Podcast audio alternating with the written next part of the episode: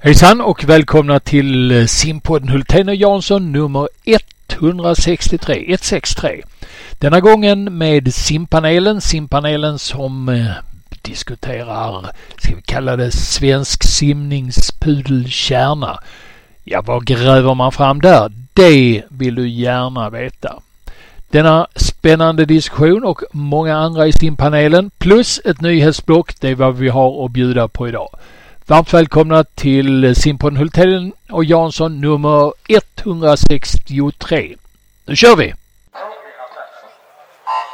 Nu ska vi snacka simning. Ja, om de gör det bättre, det vet jag inte, men de gör det oftare. Det är omänskligt.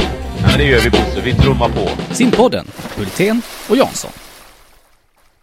Och nu rullar bandet här som det brukar göra. Då ska man inte harkla sig, då ska man inte störa till det för mycket och sådär för att eh, då blir lyssnarna som är eh, simmar lite tossiga på er efter. Det är mest Jansson som brukar skrapa med allting. Hej på er allihopa!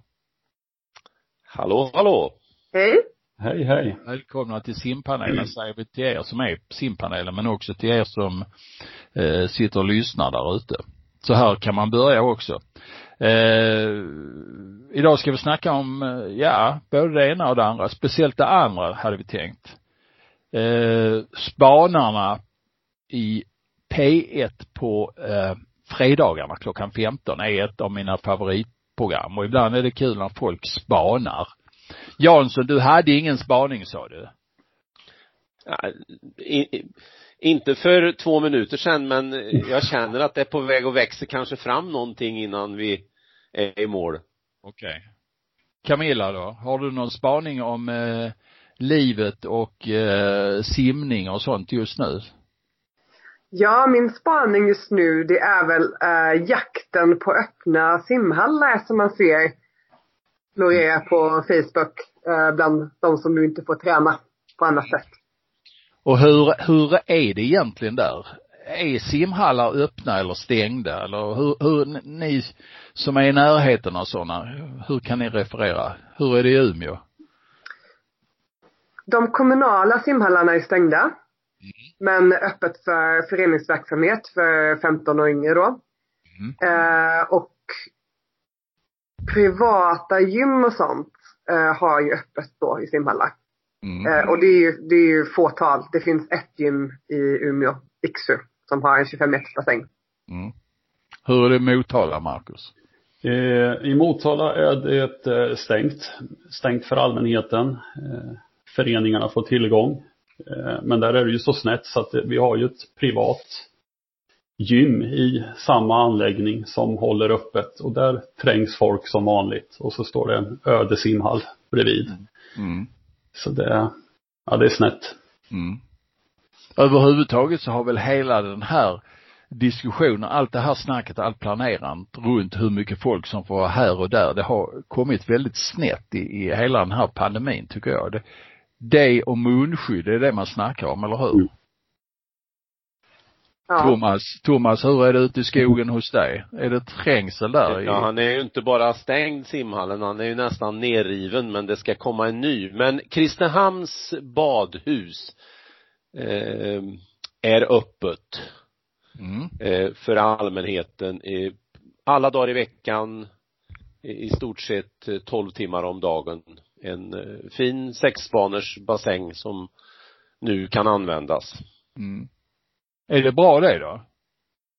Det finns ju en anledning till att man stänger ner. Det är ju inte bara eh, dumheter från överhögheten. Ska vi inte ta det här på allvar eller?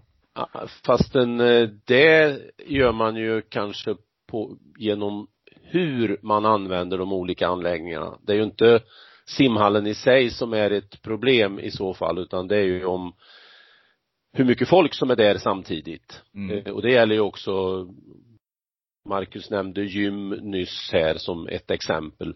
Det är ingen fara att ha ett gym öppet om det bara är några få personer som är inne så att eh, där är det ju ett problem som det har blivit med regelverk och lagar och vem som bestämmer över olika saker. Eller om vi tar en mataffär som då släpper in folk obegränsat. Eh, mer fokus på hur vi nyttjar de olika eh, transporterna, affärerna, idrottsanläggningarna, kulturella anläggningar tycker jag vore på sin plats. Men du Camilla, du som hade det här, den här spaningen, greppat den här spaningen, vad, vad, hur känner du? Är det rätt fel? Är vi på, eh, vad ska vi göra? Jag tycker att det är, det är ju först i efterhand som man kan se eh, om man har valt rätt eller inte. Men jag känner väl lite grann att eh, just de här reglerna som finns just nu slår ju väldigt snett. Det blir väldigt konstigt när du har eh, un ungdomar, ledare som är födda 04 och tidigare som får vara trängas i en eh, multibassäng med ett tjugotal ungdomar kör simskola. Men när de ska gå in i 50 metersbassängen som vi har, som är 10 meters 50, då är de plötsligt en smittorisk liksom. Um, och jag tycker ju att simhallar specifikt har ju miljö som är gjord för att ta död på bakterier och virus. Uh, det är ju det, är det man eftersträvar. Så att just simhallar känner jag egentligen inte är så, så farligt. Uh, men det är ju omklädningsrum och det är ju de gemensamma ytorna som uh, man behöver fundera kring. Mm. och jag håller med Thomas att eh, jag, jag tycker att eh, man behöver fundera lite mer kring hur man ska nyttja eh, de olika anläggningarna. För att det blir väldigt snett och väldigt fel som det är nu liksom. Det är väl min spaning. Eh, och att eh, jag känner att just för det här segmentet av ungdomar som är födda då 04 och äldre, det är de som har förlorat väldigt lätt ur idrotten. Att det är väldigt förödande att vi plockar bort just dem ur verksamheten. Mm. Eh, och jag förstår ur ett smittskyddssynpunkt att den, det är hög smittspridning och det kanske är en, en lätt gräns att dra. Men jag tycker väl kanske att man kunde ta den gränsen vid 19 eh, efter gymnasieåldern. När det gäller just idrottande. Ja, har ni andra någonting att fylla i här? Nej, jag, jag håller med. Alltså, eh, så länge, idag kan man ju i stort sett räkna gymnasiet som, som grundskola också. Eh, så hålla i ungdomarna där. Det blir ju lite snett nu för de här som blir utestängda, de, de kommer ju jaga träning på all annat håll, vilket gör att de kommer resa mer och ja, kanske besöka nya ställen, gym eller kanske till och med resor till andra öppna simhallar och det, det blir ju snett. Mm. Så då är det bättre att, att de får behålla sina rutiner. Du då Marcus, vad har du för spaning? Eh, ja, eh, jag har en liten trendspaning. Mm, eh, kul, skulle, låt höra. Ja, som jag skulle vilja lyfta och den handlar om idrottens administrationsutveckling. Eh, mm. Eh, där jag tror att det finns en trend att vi skapar fler och fler administrativa roller. Och i vår sport att vi tappar folk på kanten. Mm. Eh, och det här är nog inte unikt för simningen utan som sagt var det här drabbar hela idrotten. Jag fick höra ett exempel att på 70-talet så fanns det tre stycken administrativa idrottstjänster i Skåne. Idag är det 100. Mm. Och tittar man på ett simexempel så fick jag höra från Norge så har man anställt nio stycken administratörer från 2001 men bara en tränare. Och jag har inga siffror som jag kan lyfta i, i min miljö eller i Svenska simförbundet men jag känner att trenden är något liknande. Vi har för några år sedan de här konsulenterna eh, som jag tror, jag kan ha fel va, men de visar sig inte jättemycket nere på pooldäck. Eh, och samtidigt så har vi eh, en eh, talangutvecklingstjänst som bara är satsat på halvtid till exempel. Eh, så ja, jag tror att det där är Jag tror att vi är fel ute där. Mm. När vi skapar fler och fler jobb i kanslimiljö. Och eh, inte nere på, runt poolen.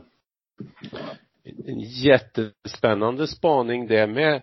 Eh, för i tillägg till det du är inne på så har ju de det administrativa hjälpmedlet datorer tillkommit. Eh, jag menar, backar vi bandet drygt 20 år som du var inne på, då skrev man ju nästan fortfarande startkort och grejer för, eh, för hand. Man skrev kanske inte resultatlistor med på skrivmaskinen då men, men alltså trots allt har väldigt mycket hjälpmedel kommit i datorerna. Frågan är all den här informationen som någonstans administreras eh, borde kanske sättas under lupp. Vad, vad är det som är nödvändig administration och vad är det som egentligen inte spelar roll? Ja. Det, det blir min känsla när jag hörde dig Marcus. Men frågan är om eh, administrationsvolymen i sig har ökat under alla de här åren eller är det så att administrationsvolymen har flyttats från ideella krafter till anställda krafter? Det tror jag snarare är så. Det satt alltså en styrelse på sju, åtta personer där alla hade sin lilla bit va och petade. Idag så har man slängt allt i en stor spann och så har man öst det över administratören istället. Det är kanske det som är felet. Jag vet inte vad, vad är hönan eller ägget i det här sammanhanget? Vad, vad tror du Camilla? Jag tror absolut att det är så att den, det som ideella krafter förut gjorde har ju landat mycket, i mångt och mycket hos eh, kanslipersonalen. Jag kan ju bara ta exempel i vår egen förening att eh, när jag började i Umeå simsällskap eh, då brukar jag bara typ dyka upp på våra tävlingar. Då hade vi en tävlingssektion som skötte allting. Jag hade hand om hela ruljangsen. Eh, men sen några år tillbaka så är det ju jag som sköter ruljangsen och tar lite hjälp av tävlingssektionen. Men eh, det har ju hamnat hos oss på kansliet i, i stor del nu, stor utsträckning. Mm. Uh, och det är ju säkert väldigt mycket annat som har blivit likadant. Jag tycker att uh, även försäljning och sådana saker hamnar ju hos oss. Uh, och det har ju förut varit hos ideella krafter.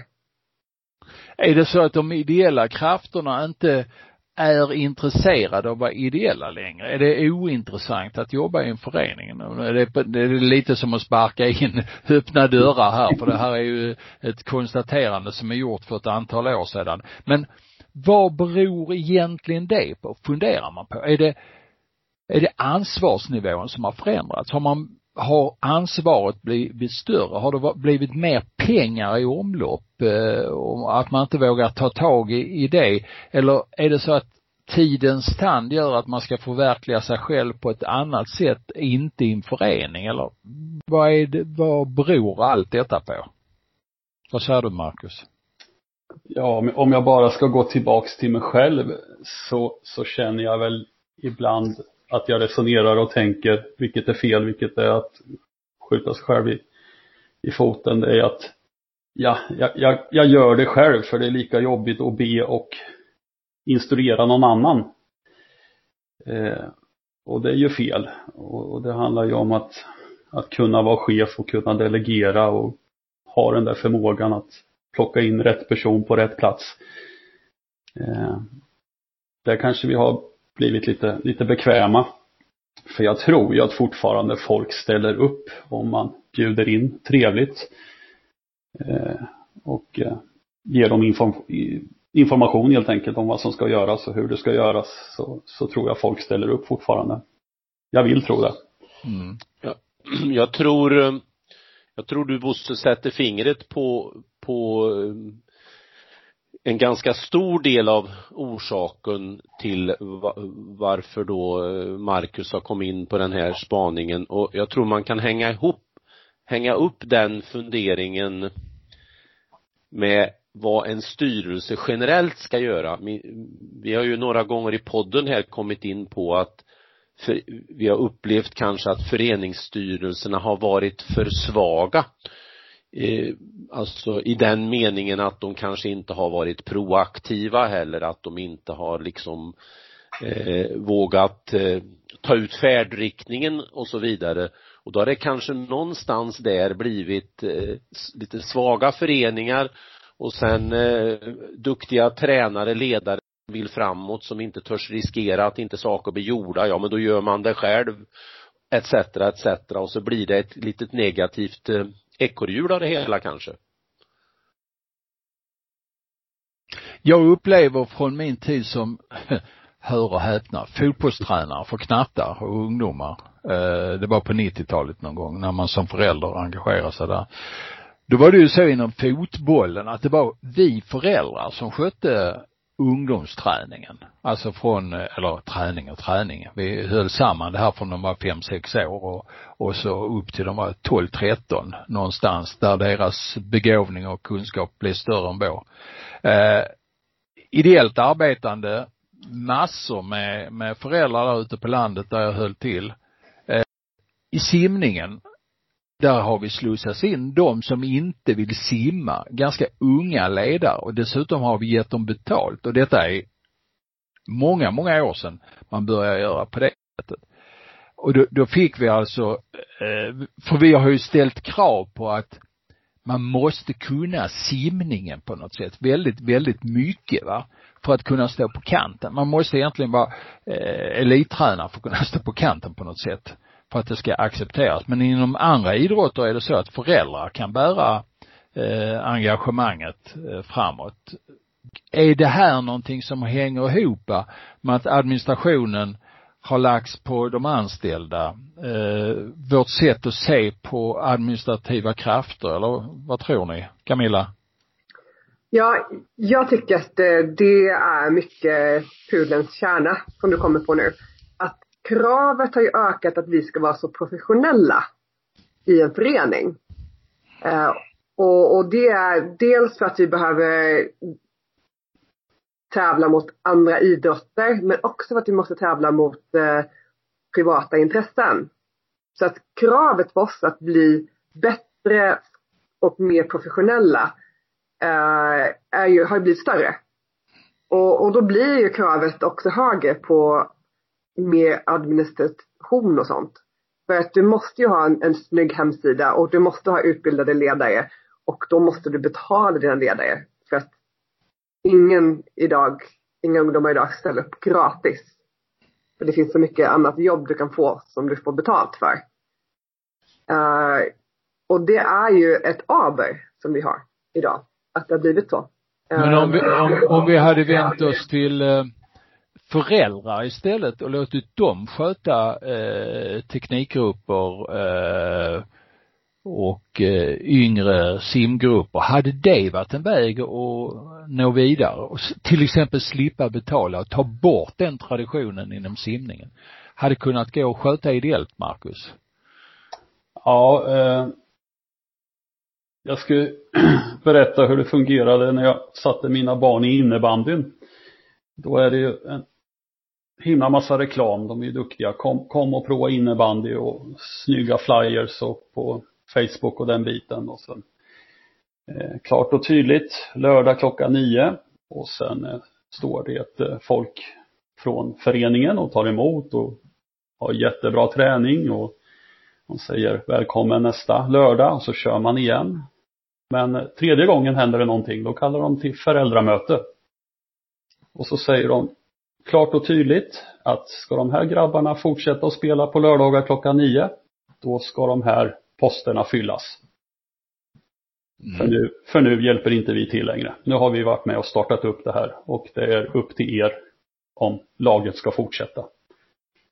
Eh, och det, och, tror, det tror jag inte någon simklubb jobbar så i Sverige.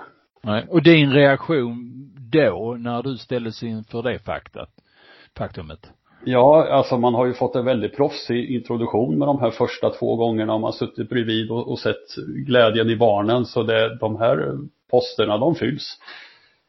Eh, så det brukar lösa sig. Sen handlar det väldigt mycket om i de här föreningarna att ha tur om du ska göra en idrottsresa. Att du ska ha tur att vara född den årgången för då, just då så fanns de här duktiga ledarna och det är de du kommer ha sen upp till 15-16 års ålder. Eh, så det handlar mycket om tur. Thomas, känner du igen det här? Ja men jag tror Alltså dels är ju den beskrivning ni gör av hur, hur simidrotten är organiserad, den är, på det viset är det ju. Och jag tror vi är lite rädda, eller jag är till och med säker på att vi är alldeles för rädda att släppa in föräldrar. Eh, simklubben här i Filipstad har ju tvingats nu, eftersom badet är, är nedlagt, att försöka ha verksamhet i en 12,5 meters bassäng i en liten ort som heter Storfors drygt 20 kilometer härifrån. Och då har man rekryterat några föräldrar i själva simskolan och den introduktion de fick eh, eh den gjordes i princip under en timme. Så här kan man lägga upp att lära sig att simma. Och de här föräldrarna agerade ju som en vuxen person så de funkade ju jättebra med barna och barnen lärde sig att simma och jag tror ingen efteråt utav barnen funderade på eh, vilken kompetensnivå den här föräldern egentligen hade. För den var ju där bara och fanns till och hjälpte till och höll i och ja, allt vad det nu handlar om. Så att jag tror dels tror jag det är rätt väg att gå att involvera föräldrar mycket, mycket mer och inte våga vara rädda för det i ungdomsåldrarna. Mm. Camilla, är det här någonting som ni nuddar i er verksamhet i Umeå eller är det bara 17-åriga flickor som har slutat att träna själv som står på kanten? Det är min, eh, min generalisering som du hör.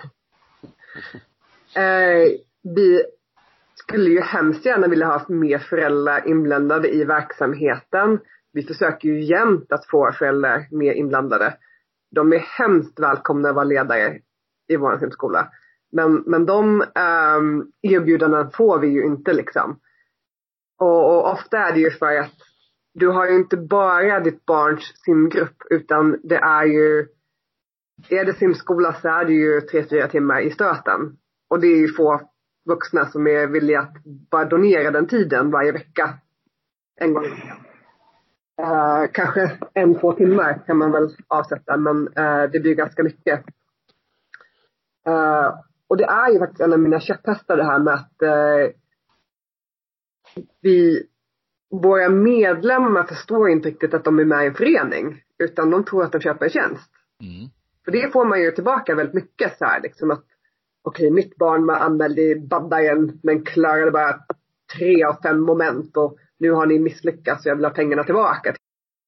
men, man, men om, om jag får bryta det där ja. Camilla ska vi inte tillåta människor att bara få köpa en tjänst hos oss?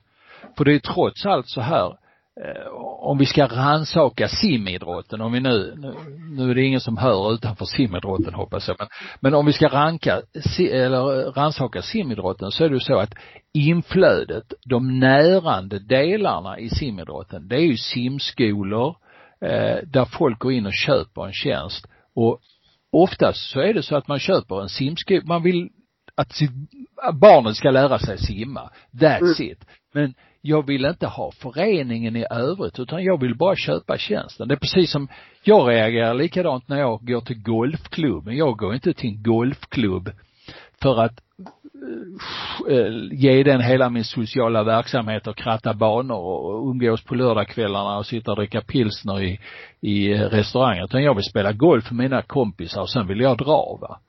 Så jag vill inte ge min förening, min golfklubb, vill inte jag ge massa engagemang. Och det är kanske så i en simförening också att man går in och köper en tjänst.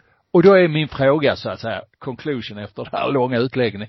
Ska vi inte eller? Jo men till viss del så får vi ju köpa att läget är så för att vi begär ju inte så mycket av simskoleföräldrarna i dagsläget. Utan de betalar ju sin avgift och deltar på det sättet. Och det är först när man går vidare i föreningen efter simskolan att man väljer eh, simträning eller vattenpolo eller triathlon eller simhopp eller det man nu väljer. Som man faktiskt blir liksom introducerad till det här med att okej, okay, hej, välkommen till oss. Eh, nu är ditt barn med i vår förening och då, då har vi de här liksom kraven eller förväntningarna på er som föräldrar att ni ställer upp på det här, det här, det här. Eh, så ja, det håller jag med om. Men, men det jag ogillar det är just det här liksom att, um, att ett barns idrott inte ska handla om glädje utan att det handlar om liksom tjänsten man köper. Det, det är väl det som jag mest har emot liksom. Du känns lite, du känns lite gammaldags här Camilla. Det är inte gammaldags att man ska ha roligt med träningen. Alltså, jag tror inte det. Eh, det är ju genom glädje som du lär dig att simma. Och då kan jag bli lite irriterad på när jag får klagomål på att um, det var 10 minuter lek på 45 minuters uh, simskolelektionen. Ja, men det är ju liksom så barnen lär liksom. Det är ju simvana. Det är ju jätteviktigt. Men och kanske var... är det liksom information från vår sida som behövs, som, vi, som saknas. Mm. Jag tycker inte Camilla är gammalmodig. Jag tycker hon är klok i det här sammanhanget. Mm. Du nämnde en sak att eh, du tror det var svårt för föräldrarna att donera tid. Det var eh, utmärkt eh, intryck, eller vad heter det, ut, eh, sätt att uttrycka det. Men skulle man inte kunna tänka sig att de donerade en timme så hade man fyra stycken föräldrar som donerade en timme var den där torsdag eftermiddagen och hade simskola? Eller måste man organisera det så, så att samma simlärare ska köra fyra timmar? Är det inte där någonstans vi som föreningsledare eller organisatörer brister lite? Eller orkar vi inte med det? Blir det då som Marcus säger att ja, det är lika bra jag liksom fixar det själv på något sätt va? Eller? Jag tror att problemet är att vi har ju så himla mycket verksamhet i simskola. Vi har ju 11-1200 barn, ungdomar, vuxna i simskoleverksamheten varje termin. Eh, att det blir väldigt svårt att organisera om man då ska ha ledare till alla de här grupperna. För att i de yngsta grupperna, i baddargrupperna, där är det bara fyra deltagare per ledare. Mm. Så då, då, blir det ju väldigt, väldigt eh, svårt att eh, organisera alla de här föräldrarna i sådana fall. För att då behöver man ju få in, ja, vi, vi har väl kanske 20 barn och fem ledare då på en simskola. 45 minuters tid. Eh, och gånger då liksom fyra, fem omgångar liksom det blir väldigt många vuxna. Mm. Väldigt många föräldrar att organisera mm. bara på en kväll. Men på 20 barn finns det ju 40 föräldrar. Så det finns ju ändå folk att ta av, ser jag det som. Jag är lite provocerande nu för att det här är lite stick i stäv med hur vi jobbar ute i föreningarna idag. Eh, vi kanske inte riktigt orkar ta tag i det här med att, att organisera föräldrarna så enligt devisen att många ska göra lite istället för att få ska göra mycket. Man kan, vad säger du? Ja, förlåt mig. Ja, jag tänkte bara, jag tror inte att det är det som är problemet. Eh, jag ska släppa in Marcus också. Men jag tror problemet är ju att det är ju, um, det är ju så här, liability. Det är ju liksom eh, ansvaret. För att det är som man har sagt tidigare, man, man drunknar inte på en fotbollsplan, men man kan drunkna i en bassäng. Och att ge det ansvaret till någon som inte är utbildad, även om det är en förälder. Ett barn kan ju bli skadade eller drunkna i vår verksamhet. Det är väl det som jag känner att det är annorlunda mot andra verksamheter. Uh, man riskerar ju inte att dö oftast när man är på fotbollsträningen men i sin undervisning så måste du ju verkligen ha koll på det du gör och ha koll på alla barnen. Mm. Men, men här, alltså å ena sidan håller jag ju väldigt med där, där Camilla var inne på hur, vad, vad innehållet ska vara. Men, men jag, jag, jag, tycker ju att det blir en problematik, man problem, vad heter det, problematiserar när man då börjar föra in eh, det här med rädslan att de ska drunkna för att en vuxen person tar ju med sannolikhet större ansvar för ett överblick det perspektivet än en 15, 16 åring. Och jag tror definitivt som Bosse i det fallet att eh, det gäller att få med den här föräldragruppen på ett mycket, mycket mer sätt och kanske tona ner svårigheten i att lära någon att simma. För det handlar ju, för att komma tillbaka åter till Camilla, det handlar egentligen om vattenvana, ha kul i vattnet. Och att hålla ordning på fyra eller fem stycken barn eller till och med sex grundbassäng nej men det är väl ingen svår uppgift. Är det så Marcus? Ja, jag tror inte jag tror aldrig det kan bli för många ledare. Det kan bli för många oengagerade ledare, men det är ju någonting annat. Men så länge viljan finns att, att göra någonting bra och hjälpa till så tror jag att vi kan få för få ledare. Eh, och jag är själv inte bra på det, men eh, jag borde bli bättre på att hugga de här föräldrarna som ändå sitter av tiden i simhallarna och eh, spelar Facebook eller vad de gör på kanten. Att bli bättre på att bjuda in. Och eh, det finns alltid någonting. Om inte annat så kan man koka kaffe till mig eller någonting. Så det, ja, det behöver jag personligen bli bättre på att, att bjuda in. För det, det är kanske det de sitter och väntar på, att få frågan. Bjuda in tycker jag är en bra ingång för att ibland har jag upplevt på en del ställen att man sätter, om det är en, en eh, undervisningsbassäng som är eh, med väggar runt omkring så att den är liksom separat då vill man gärna ha föräldrarna utanför. Jag kan ju förstå det ur, ur några inlärningsmoments skäl att eh, barnet kanske mer har fokus på föräldern eller tvärtom. Men jag tror det är just i den situationen man ska bjuda in föräldrarna att ta med baddräkt. Välkommen i bassängen. Det här är ju ingen Einsteins grej att lära någon att simma. Det är ju, alltså de flesta barn lär, de lär sig ju bara de får tio gånger i vattnet. Faktiskt. De har gjort det när det var utomhus i sjö förr och kallt och man knappt kom i. Jag kommer ihåg eh, när jag var simlärare på tidigt 70-tal, det var 16-17 grader i vattnet. Man gjorde de mesta övningarna på land. Men de lärde sig också simma efter tio eh, gångers simundervisning. Så att någonstans där har det blivit för komplicerat och svårt. Sen får vi ju inte tappa bort, det är klart vi ska tjäna pengar på den där verksamheten för den bygger ju den andra verksamheten. Och det är klart, kan vi då ha billigare men bättre arbetskraft i form av föräldrar så är jag för det. Mm, Marcus, du viftar lite där. Du ser inte lyssnarna ja. nu, men vi, vi, vi ser varandra när, ja. när, vi snackar här, det ska ni veta. Så att vi, vi mm. Eh, jag tänker så här att det kanske är nu det är rätt tid att bjuda in. Eh, för idag så är det ju enda sättet att se sina barn eh, idrotta. Vi hade interntävling i lördags här med minimalt antal funktionärer. Och det var åtgång på de platserna för att få se sina barn tävla. Jag kan hjälpa till som funktionär och jag, jag gjorde själv så med mitt barns hockey. De kör internmatch varje söndag. Jag gjorde mig till funktionär. Jag hörde av mig och sa jag kan filma och lägga ut live på Facebook.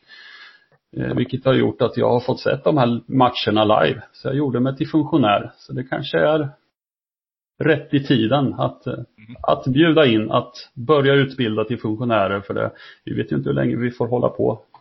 Och det kanske är ett, ett nytt sätt att tävla också. Jag tycker ju det att vi borde kunna skala av färre, färre funktionärer. Vi ska inte ha fler funktionärer än tävlande. Det är en annan diskussion kanske. Ja. Mm. Kan, den ska vi också ta. Men du Camilla, eh, eh, finns det något rätt eller fel i den här diskussionen?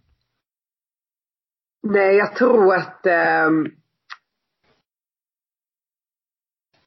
Nej, jag tror inte det finns rätt eller fel. Jag tror det är bara viktigt att man har diskussionen. Eh, kanske att vi är helt fel idag som vi tänker liksom när vi försöker göra det mer professionellt och mer lättillgängligt. Att det är ju lätt att boka. Det är lätt att komma hit. Det är lätt att liksom man går in, man gör sin simskola, sen går man liksom. Uh, och kanske tänker vi då helt fel i det. Att uh, vi gör det så lätt för dem att komma undan engagemang på riktigt i, i föreningen när vi gör så. Men på något sätt så måste man också tänka på vem, vilka våra deltagare är. Eh, och vad de vill egentligen. Och eh, de flesta vill ju att sitt barn ska lära sig simma, men de är inte så intresserade av simning. Nej, och det är lite där vi får särskilja. Alltså vi, vi har ju en kursverksamhet och så har vi en idrottsverksamhet. Och det, som jag ser det så är det hyfsat eh, täta skott mellan. Men vad vi inom simningen ska se, det är ju att vi har ju en enorm tillgång i att ha den här undervisningsverksamheten för vi kan rekrytera från, från den så att säga. För när, när vi ska ha ungar till teknikskola och medelskola och sånt så är ju kunderna, de är ju givna för de är ju redan medlemmar hos oss va. Hade Ja. du varit, hade du raggat ungar som skulle spela fotboll, ja då hade du fått gå utanför klubben. Så att simningen har en väldigt stor fördel i, i det sammanhanget, kan jag tycka. Thomas. Och, ja, men sen finns det en annan sida utav det myntet, nämligen att man har inte valt simningen för att man ska bli en simmare. Man kom in på spåret simning för att man skulle lära sig att simma. Men en som väljer skidåkning och anmäler sig till skidåkning här, den anmäler sig inte för att lära sig åka skidor, den anmäler sig för att jag vill bli skidåkare. Mm. Och det är ju inte tvunget. Det är ju inte tvunget så att säga. Nej, det är ju tvunget nej, nej, att lära sig nej. simma. Nej, men effekt, om, om vi tänker att du kommer in i verksamheten, den är väldigt ledarstyrd då på simskoledelen och sen så försöker vi att snappa upp de här talangerna och ta hand om dem och så trycker vi in dem i teknikskola etc. De blir hela tiden omhändertagna. Sen står vi några år senare och funderar på varför är inte deras föräldrar intresserade av att vara funktionärer och hjälpa till? Ja men de har ju aldrig någon gång på resan riktigt hamnat inne i verksamheten. De var utanför lokalen när barnet lärde sig att simma. De är inte indragna i teknikverksamheten och så vidare. Och det är klart att då blir ju vi den där vårdande, omhuldande eh, idrotten och då, då finns det inte liksom kanske i själ och hjärta på samma sätt som en idrott där föräldrarna liksom kommer fram till att, jo men gud, orientering vore kul. Och så engagerar man sig i orientering. Jag, jag tror det finns en baksida på myntet. Mm. Mm. Jag, jag känner, känner ju att det här är en väldigt bra spaning.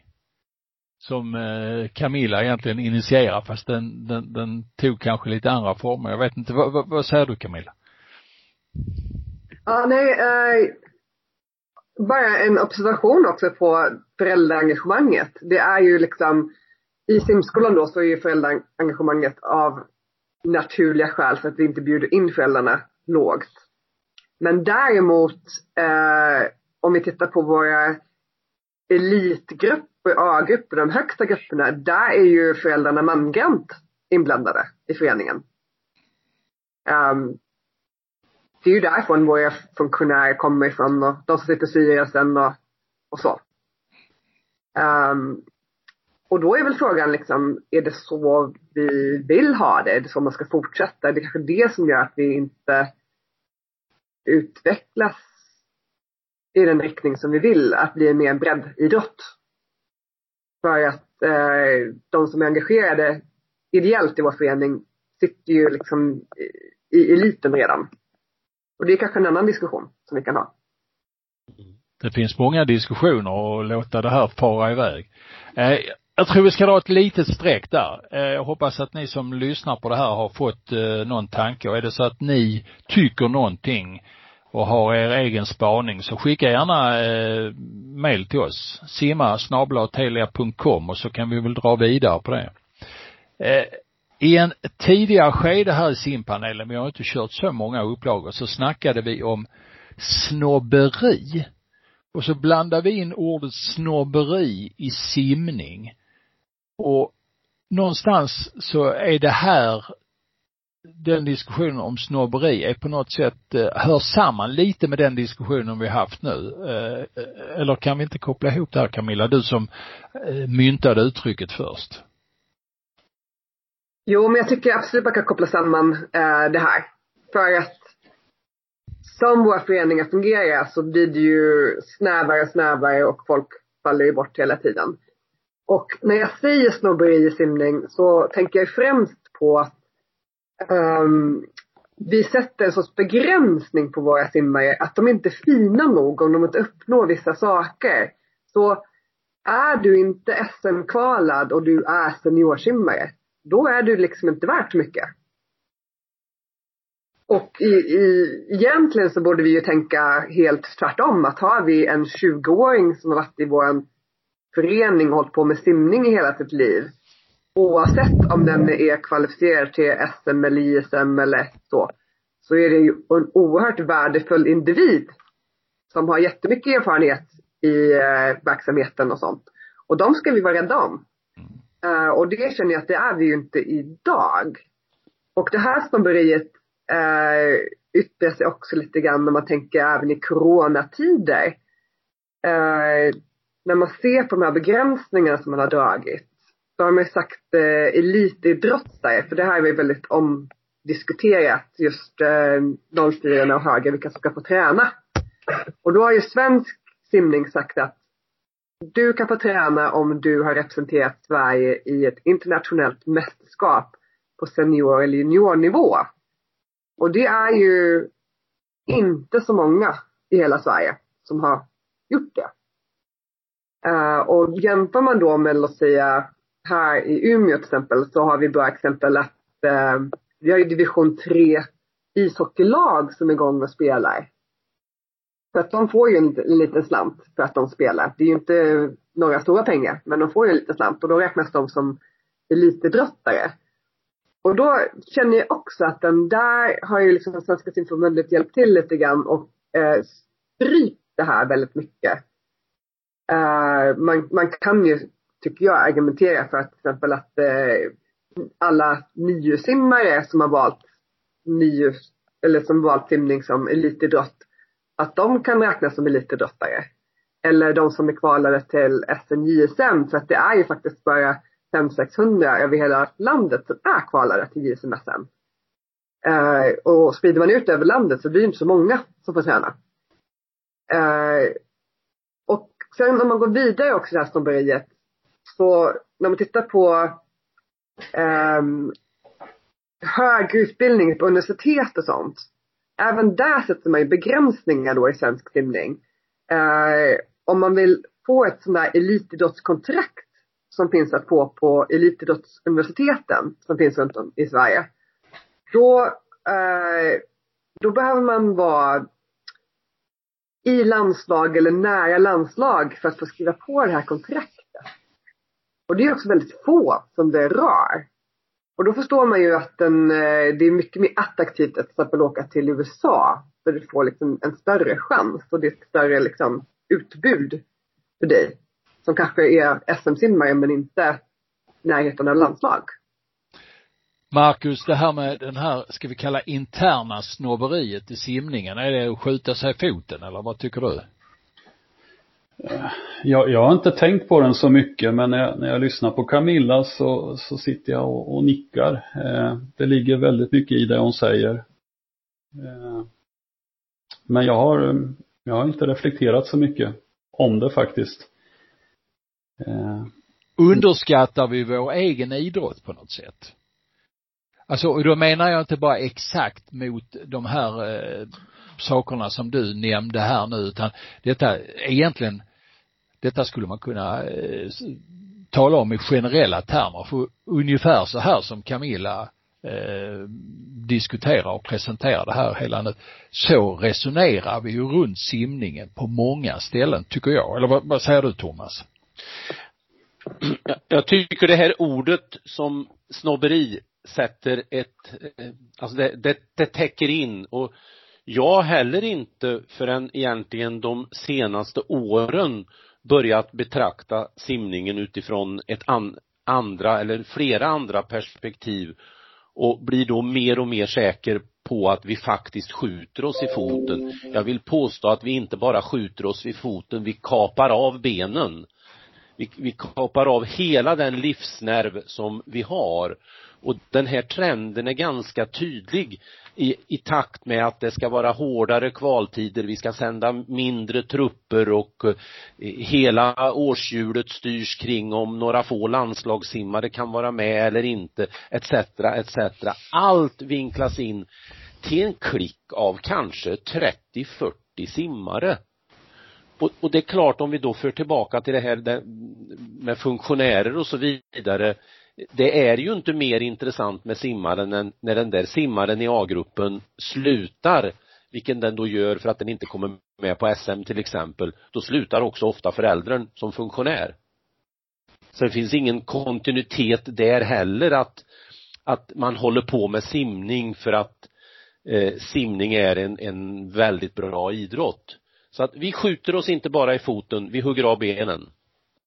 Kan det vara så, för att nu liksom vidare, vidareutveckla den här diskussionen, är det så att det snobberiet kommer sig av att vi egentligen bara marknadsför landslaget och verksamheten runt landslaget. Allt annat är gjort på ett sånt grått och trist sätt så det är ointressant. Jämför med en bollidrott nu. Vi, vi tar ishockey. Eh, där finns det ett antal olika nivåer som är intressanta. Eh, det är landslagsnivån. Eh, den har väl, kan jag tycka, lite mindre intresse idag än vad det hade för 20 år sedan. Eh, devalverat i form av eh, VM-guld och allt sånt där. Det är ju inte så jävla intressant längre. Åtminstone inte från min synvinkel. Jag kan ha fel, jag har haft det en gång innan i livet. Eh, sen har vi NHL som matchas väldigt starkt. Eh, under det har vi ju då vår eh, svenska hockeyliga som också får väldigt mycket publicitet. Eh, är det så att vår simningens, alltså liga under landslaget, under de internationella mästerskapen, är så grå och trist så det är ingenting att samlas vid. Så att vårt fokus är bara på de här 30 simmarna, för de är inte ens 30 skulle jag vilja säga.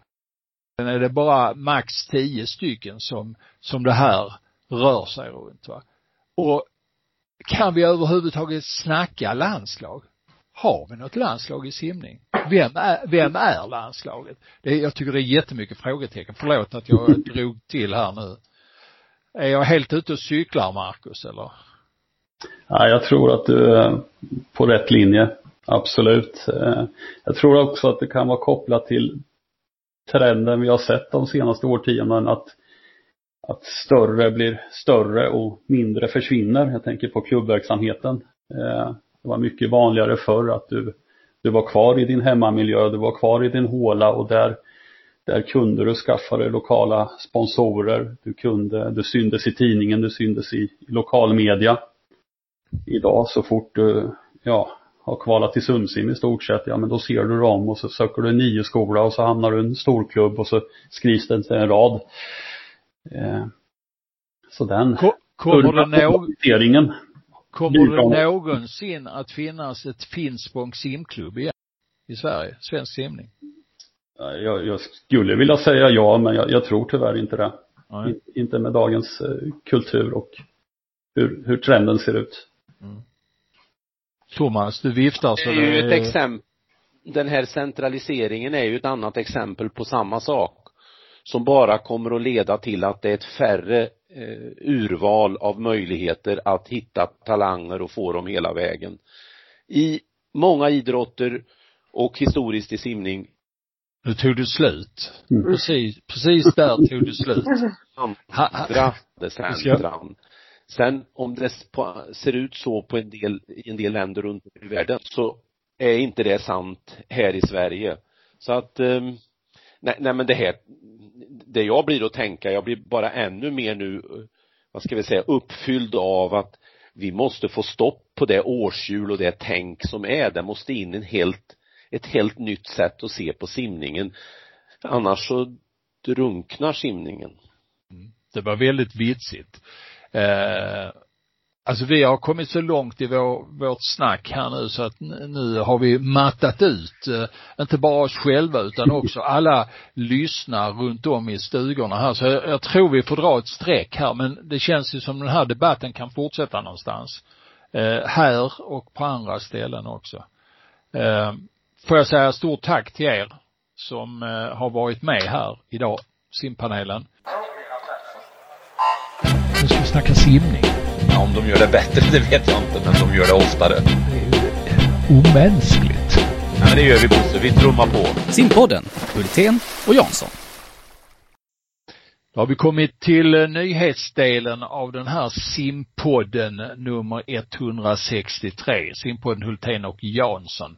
Eh, sedan senast när vi eh, hade Viktor Johansson med i eh, Eh, som gäst här så har det simmats australiensiska kortbanemästerskap. Har du analyserat resultaten där Jansson?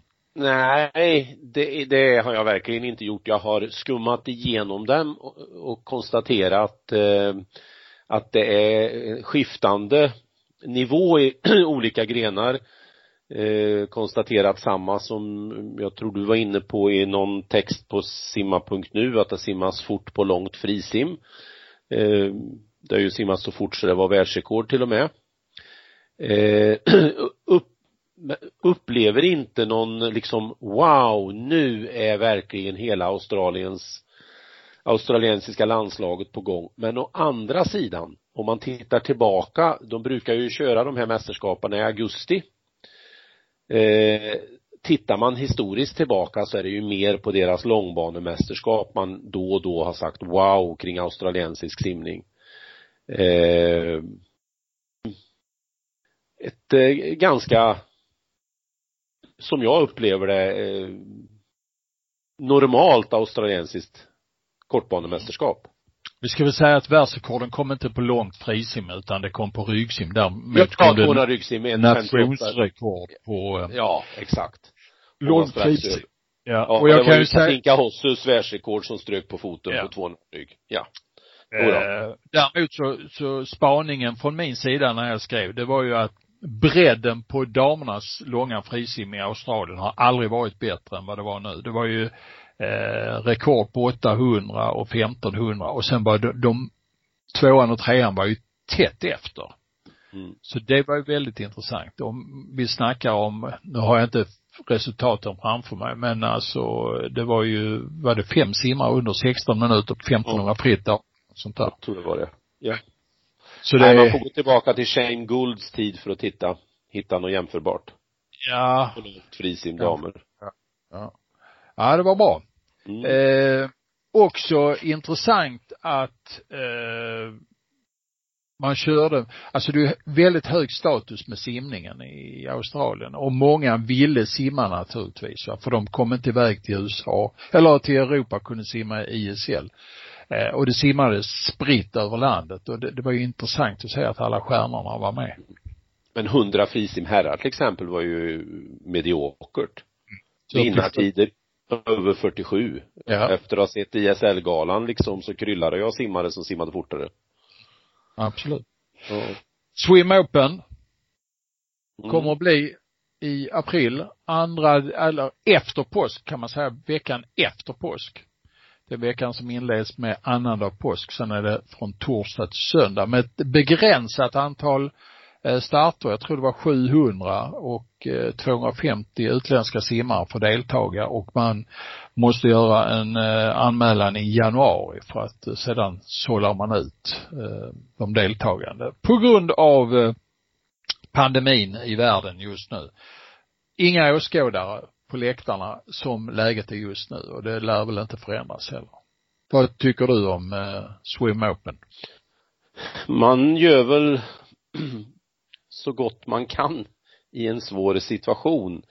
Eh, det är ju bra att man eh, ger den här öppningen att föranmäla sig utan några kostnader och så vidare för att troligtvis tänker man som så i januari någonstans måste vi fatta beslut om om det överhuvudtaget ska kunna bli någon swim open va, jag kan tänka mig det. Ska jag gå över och mer tycka generellt kring swim open så vill jag knyta an till eh, lite som jag har varit inne på förut. Eh, och, och, då ska jag börja med det som är oerhört positivt. Eh, det jobb som Dennis Fredriksson har gjort för att ordna att det kommer högkvalitativa simmare eh, från runt om i världen är guld värd för egentligen för svensk simning. Och det arbetet tycker jag lite grann man bromsar upp nu. Eh, jag förstår det av coronaskäl men eh, det är oerhört viktigt tror jag att man bestämmer sig för vad ska Swim Open vara? Ska det vara en dutttävling där vi har lite av varje? Ja det ska vara lite 13 och 14-åringar eller 14 och 15 och så ska det vara lite sånt och så ska vi kvala lite granna och, och så är det viktigt att klubb-Sverige kommer hit. Då kommer den inte att lyfta och passera Mare Nostrum och det. Eh, jag tror vi måste förstå att konkurrensen är så pass hård så att vill vi ha en internationell tävling då ska den ha ett internationellt stuk. Och är det så vi då inte får plats med svenska simmare i finaler men då får vi ju hem och göra läxan lite bättre. Så jag tycker det är synd att den duttas sönder lite grann. Och jag tror inte en 14-15-åring eh, fortsätter och simmar för att den har varit på Swim Open. Eh, jag, jag tror verkligen inte det. Och tanken är väl inte att de ska simma på förmiddagen och sen sitta på läktaren på eftermiddagen. På läktaren ska vi ju ha åskådare som tittar på stjärnorna. Så eh, om summerat. Swim Open är genialiskt. Det är jättebra arbete utav Dennis Fredriksson. Tyvärr tycker jag man är på väg att dutta sönder den att den ska innehålla allt. Renodla tävlingen med ett interna med en internationell touch.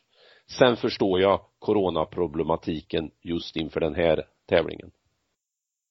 Mm, ord och inga visor från Jansson där i skogen. Bra. Och eh, därmed så tackar vi för idag. Har ni några synpunkter på det vi har sagt i eh, den här podden, simpodden Hultén och Jansson nummer 163? Skicka gärna ett meddelande, ett eh, e-mail till oss under adressen simma snabelatelia.com simma snabelatelia.com Vi kommer snart tillbaka i en dator i närheten av dig. Ha det gött så hörs vi. Nu ska vi snacka simning. Ja, om de gör det bättre, det vet jag inte, men de gör det oftare. Det är ju omänskligt. Ja, men det gör vi Bosse, vi trummar på. Simpodden, Hultén och Jansson.